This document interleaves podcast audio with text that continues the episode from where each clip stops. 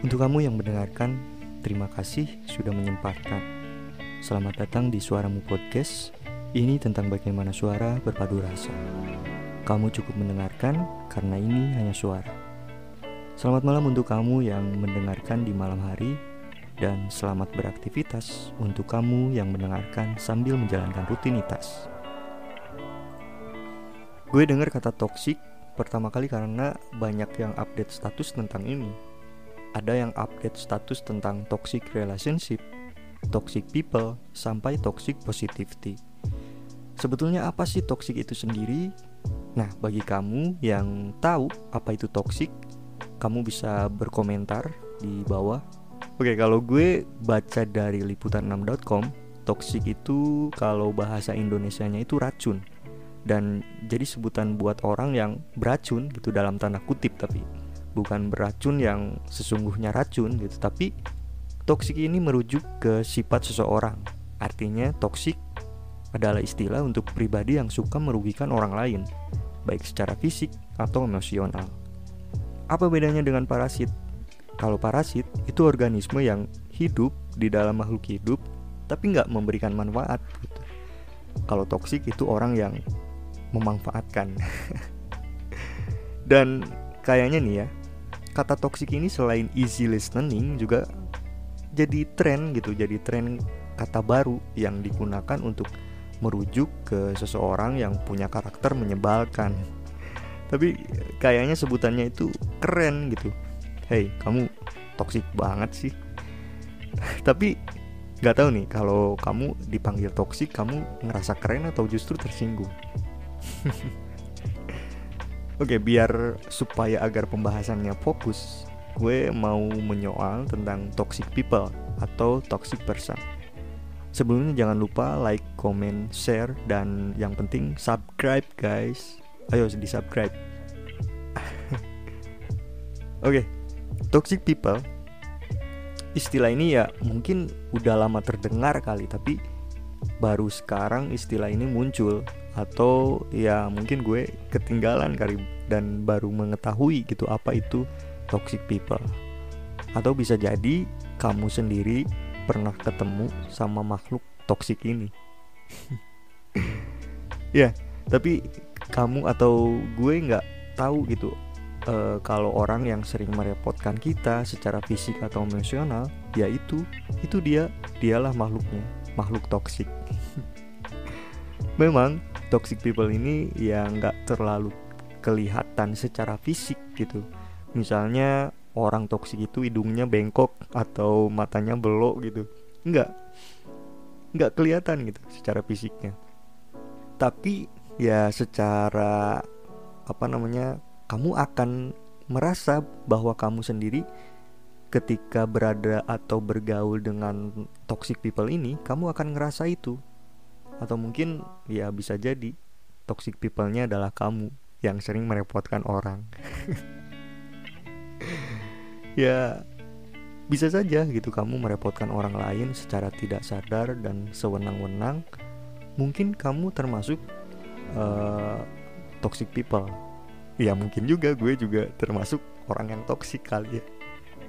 Kalau dibedain memang sulit juga sih antara toxic dan tidak gitu karena ya sulit membedakan antara minta tolong dan ngemanfaatin gitu. Biasanya toxic people ini membuat orang yang di dekatnya tuh bingung. Ya kalau gue baca dari artikelnya gritis.com penulis dan terapis bernama Shannon Thomas ini berkata bahwa toxic people are master manipulators, skilled liars, and great actor. They can be hiding everywhere sorry nih kalau misalkan bahasa Inggris gue jelek.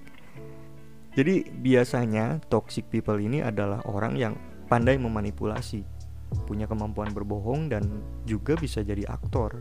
Banyak drama yang bisa diperankan gitu sesuai dengan keinginannya. Uh, bisa menyembunyikan menyembunyikan identitas aslinya. Waduh seketika ini gue mikir kalau selama ini gue ngerasa berdampingan sama salah satu jenis orang yang toksik ini. Aduh. Ya emang sih gue ngerasa uh, keganggu banget gitu karena yang minta tolongnya itu kebangetan. Main jebret. Nggak pandang waktu gue lagi apa di mana dan sama siapa gitu. Oke okay lah kalau misalkan itu bagian dari tugas gue nggak apa-apa gitu. Tapi ya gue ngerasa itu bukan tupoksinya gue untuk mengerjakan itu oke okay lah kalau gue lagi santai atau nggak ada tugas pokoknya gitu ya anggap aja itu sebagai pertolongan lah. Tapi ya kadang gue juga ngerasa kesel kesel aja gitu ketika ada notif VA dari yang bersangkutan dan harus dilakukan sesegera mungkin. Dan itu bukan dari bagian tugas dan tanggung jawab gue gitu yang di yang dikerjakan oleh gue itu by the way kenapa gue jadi curhat kan? Dan oke okay, di situ gue ngerasa capek secara fisik dan secara emosional juga gitu. Tapi ya sebisa mungkin lah gue ikhlas aja. Walaupun ya kayak pembahasan podcast episode 7 kemarin bahwa ikhlas itu berat bro. Ikhlas itu berat. Tapi kita harus belajar arti penerimaan. Oke ngomong-ngomong podcast episode 7 kemarin yang belum dengar episodenya kamu bisa dengerin di pojok kanan atas. Ini di sini nih. Ciri dari toxic people. Biasanya ya selalu menguras tenaga, bahkan meningkatkan emosi kamu. Nah, di artikel British.com itu, Thomas menambahkan kalau makhluk toksik ini akan membuat kamu itu ngerasa kasihan ke dia gitu, ke yang bersangkutan dan kamu tuh ngerasa bertanggung jawab banget atas masalah yang sedang dia hadepin dan juga memperbaiki masalah itu. Aduh, kok gue ngalamin banget gitu gue tuh mungkin terlalu baik hati kali ya karena gini ketika orang semakin sering minta bantuan ke gue dan gue ngerasa kasihan dan ngerasa punya tanggung jawab atas problem yang ia hadapi di situ tuh gue ngerasa enjoy aja gitu. Enjoy aja. Kalau tugas gue mengerjakan tugas dia tuh selesai. Tapi ya ada sifat lain di balik ketika gue lega udah nyelesain gitu tanggung jawab itu. Ya menggerutu lah biasa. Naon sih? Orang ngerjakan eta gitu. Padahal kan orang itu lain tugas orang. Orang menang naon gitu aduh sorry bro. Ensis kebawa emosi.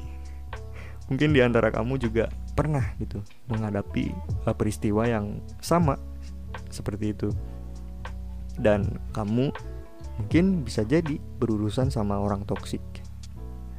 Terus gimana sih ciri-ciri atau aura ketika kamu berhadapan atau berurusan sama toxic people? Nah, biasanya nih yang gue alami sendiri, kita tuh ngerasa cemas ketika toxic people ini menghubungi kita. Seolah kita tuh diberi beban gitu dan tanggung jawab. Tanggung jawab besar buat menyelesaikan uh, permintaan tolongnya itu ya itu seolah reaksi ilmiah saja apalagi hal itu udah berulang sampai berkali-kali bahkan ya sangat sering gitu dan orang itu ngerasa nggak ada lagi orang yang nggak bisa ngebantu selain lo. Seolah memang benar-benar ya dia tuh sangat membutuhkan kita sangat membutuhkan kamu. Kadang dia juga sering minta maaf atas tindakan toksiknya itu. Dan gue baca kalau toxic people ini sering ada di luar kendali, tidak bisa membedakan antara profesi pribadi atau uh, hubungan interpersonal gitu. Semuanya tuh dibabat aja, dia nggak nggak ngelihat itu. Terus menurut kamu ngaruh nggak sih toxic people itu terhadap kehidupan kita gitu? Kalau menurut gue sih amat sangat terasa ngaruh banget kalau kamu denger lagunya Changcuters yang liriknya racun pasti kamu tahu kalau racun itu bikin hilang akal sehat gitu begitu juga orang yang beracun dia tuh punya kemampuan khusus untuk mempengaruhi semua ruang lingkup kehidupan kita dan kamu akan buta ya itu benar kata lagunya Changcuters tadi kamu akan kehilangan akal sehat nah Ketika kamu ngerasa terbiasa dan dipaksa ngelakuin hal yang menurut kamu lah ini kan bukan gue banget, bukan tugas gue gitu. Hati-hati guys, kamu itu lagi dipengaruhi sama toxic people ini. Dan ia akan terus meracuni pikiran kamu. Kamu akan terbawa bahwa kamu tuh ngerasa ragu dengan kemampuan kamu dan kamu membuktikan kepada makhluk toksik ini dan dia udah berhasil. Artinya dia udah berhasil memanipulasi kamu. Tapi ya mungkin setiap orang kasusnya berbeda-beda. Kadang nih ya, kita tuh ya bersikap dingin aja gitu ketika diminta pertolongan. Tapi yang namanya toxic people, segala hal bisa dilakukan. Parahnya adalah dia itu akan mempengaruhi kamu secara negatif gitu. Mereka cenderung melakukan kebohongan, mengkritik, bahkan mengintimidasi, menciptakan drama-drama Korea yang nggak jelas gitu. Dan kamu harus segera bangun. Kamu harus cuci muka terus ngaca. Sebetulnya kamu itu udah dimanipulasi sama si toxic people itu.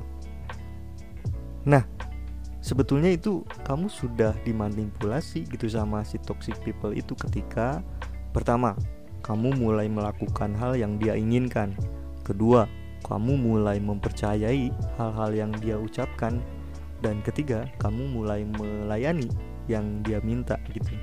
Yang sebetulnya itu bertentangan banget sama diri kamu secara pelan-pelan dia akan memanipulasi kamu sebagai orang yang mendorong kamu untuk menjadi yang terbaik karena ya itu tadi, padahal kamu sedang diperdaya. Kamu sedang diperdaya oleh makhluk yang bernama toxic people. Terus apa sih pik tanda-tanda orang yang sedang memanipulasi kita gitu? Pertama nih ya, dia itu akan terus-menerus nyari cara biar kita tuh punya tanggung jawab atas tindakan si toxic people ini. Contohnya nih ya, ketika lagi kuliah misalkan, temen gue mempercayakan tugas kelompoknya itu sepenuhnya ke gue dan gue ya mengerjakan aja gitu. Dan ketika presentasi tak sesuai dengan harapan si teman gue itu. Dan dengan mudahnya dia akan melimpahkan seluruh kesalahannya itu kepada gue gitu pokoknya ya apa we segala macam jenis skenario dia bikin. Dan dia ngerasa nggak bersalah gitu. Kedua terisolir. Kamu tuh akan ngerasa nggak bebas gitu ketika kamu bareng sama si toxic people ini. Kamu nggak ngerasa bebas bertemu dengan orang lain gitu karena kamu sudah ada di lingkaran dia. Ya mungkin uh, si toxic people ini bisa jadi teman kamu teman deket bahkan sahabat atau bisa jadi people toxic ini adalah keluarga kamu sendiri. Ketika toxic people ini merasa khawatir kalau kamu deket sama orang lain nah itu kamu akan terus terisolir terisolasi gitu. Dia akan terus bareng kamu dan ketika kamu terus menerus bareng sama toxic people ini separuh waktu kamu akan dihabiskan dengan dia bahkan kamu nggak punya waktu berinteraksi dengan manusia lainnya gitu waduh ini hati-hati nih itu nggak baik banget buat kamu ketiga perlahan kamu akan terus-menerus dihadapi dengan rasa tanggung jawab itu gitu. Dihadapi dengan rasa tanggung jawab bahwa gue harus melakukan pekerjaan yang dia minta. Lambat laun juga. Masalah demi masalah itu akan menggunung karena ya kamu ngerasa capek secara fisik dan emosional. Kamu juga mulai keganggu gitu. Kehidupan kamu mulai goyah. Ya mungkin imbasnya adalah perkembangan kamu selanjutnya. Baik itu perkembangan karir ke depan dan sebagainya. Kamu itu akan stuck di situ. Toxic people ini akan selalu berubah di mana pun kamu berada. Nggak kenal tempat nggak kenal waktu. Setiap kamu berhadapan sama orang ini kamu bakalan dihadapkan sama masalah yang harus diselesaikan yang melibatkan kamu gitu sebagai aktor dari skenario yang sudah dibuatnya itu. Kadang kamu ngerasa bahwa ketika berhadapan dengan dia, energi kamu tuh kayak terkuras gitu, mudah capek dan hati-hati bisa jadi membuat kamu stres. Terus gimana tuh solusinya buat gue atau kamu yang udah terlanjur gitu terjerumus deket sama toxic people ini? Kamu butuh anti racun, salah satunya madu. Oke, kamu bisa keluar kamu bisa keluar kok dari jaring si toxic people ini tapi ya itu tergantung dari diri kamu sendiri jangan sampai kamu jadi mangsanya dia untuk ngeracunin akal sehat kamu terus gimana dong pik? Apa gue harus ubah telepon gitu biar nggak dihubungi sama dia? Atau gue harus pindah rumah sekolah pekerjaan atau sekalian aja lah pindah negara? Atau pindah planet gitu? Nggak seribet itu kok guys. Jadi memang komunikasi itu ya penting gitu. Komunikasi adalah bagaimana cara kita saling berinteraksi dan saling mendapatkan feedback, tapi kamu harus perlahan tidak terlalu intens berkomunikasi dengan orang tersebut. Ya, kamu masih bisa berinteraksi sama dia, tapi dengan cara baru. Ya coba atuh sesekali mah kamu yang minta tolong ke dia gitu. Ya mungkin kalau kamu sering minta tolong, dia bakalan cari mangsa baru. Dan kamu terlepas dari dia gitu. Kalau saran ini sih ya tergantung kamu sih. Oke, kalau pengalaman gue sekarang nih, gue nggak langsung nanggepin permintaan tolongnya. Kalau dulu kan ketika orang ini nge WA itu di detik itu juga gitu gue kasih solusi gue kasih bantuan atau bahkan gue kasih duit gitu. Tapi sekarang-sekarang ya berhubung gue sibuk gitu kan ya maklum lah orang sibuk. Jadi ya sibuk gitu ngurusin hidup orang jadi ya gue tahan dulu. Tahan dulu tuh si pesan yang masuk gitu atau teleponnya itu nggak diangkat langsung gitu. Ya dengan alasan ya sorry gue lagi sibuk. Ya paling yang paling ekstrim ya putuskan kontak sama dia aja. Kalau memang benar-benar orang itu udah mempengaruhi kehidupan kamu ya kamu mungkin harus ngasih jarak gitu ke dia. Jangan terlalu deket gitu tapi pasti bakalan sulit. Sulit juga gitu kalau toxic people-nya itu adalah pacar kamu sendiri. Beda lagi kalau teman sekolah ya mungkin kamu harus bergaul lagi sama teman yang lain gitu yang bisa memberikan kamu manfaat positif untuk perkembangan pengetahuan kamu gitu. Atau kamu yang uh, di organisasi mungkin kamu minta sama pimpinan kamu untuk pindah divisi begitupun sama kamu yang lagi kerja mungkin kamu bisa negosiasi sama HR kamu biar bisa tukeran tim atau pindah divisi dan sekarang kamu sudah terhindar dari toxic people. Saatnya kamu meluangkan waktu untuk menampilkan aura positif di dalam diri kamu. Bukan berarti ketika kamu tahu tipe toxic people, ya, kamu jadi apatis dan tidak mau menolong.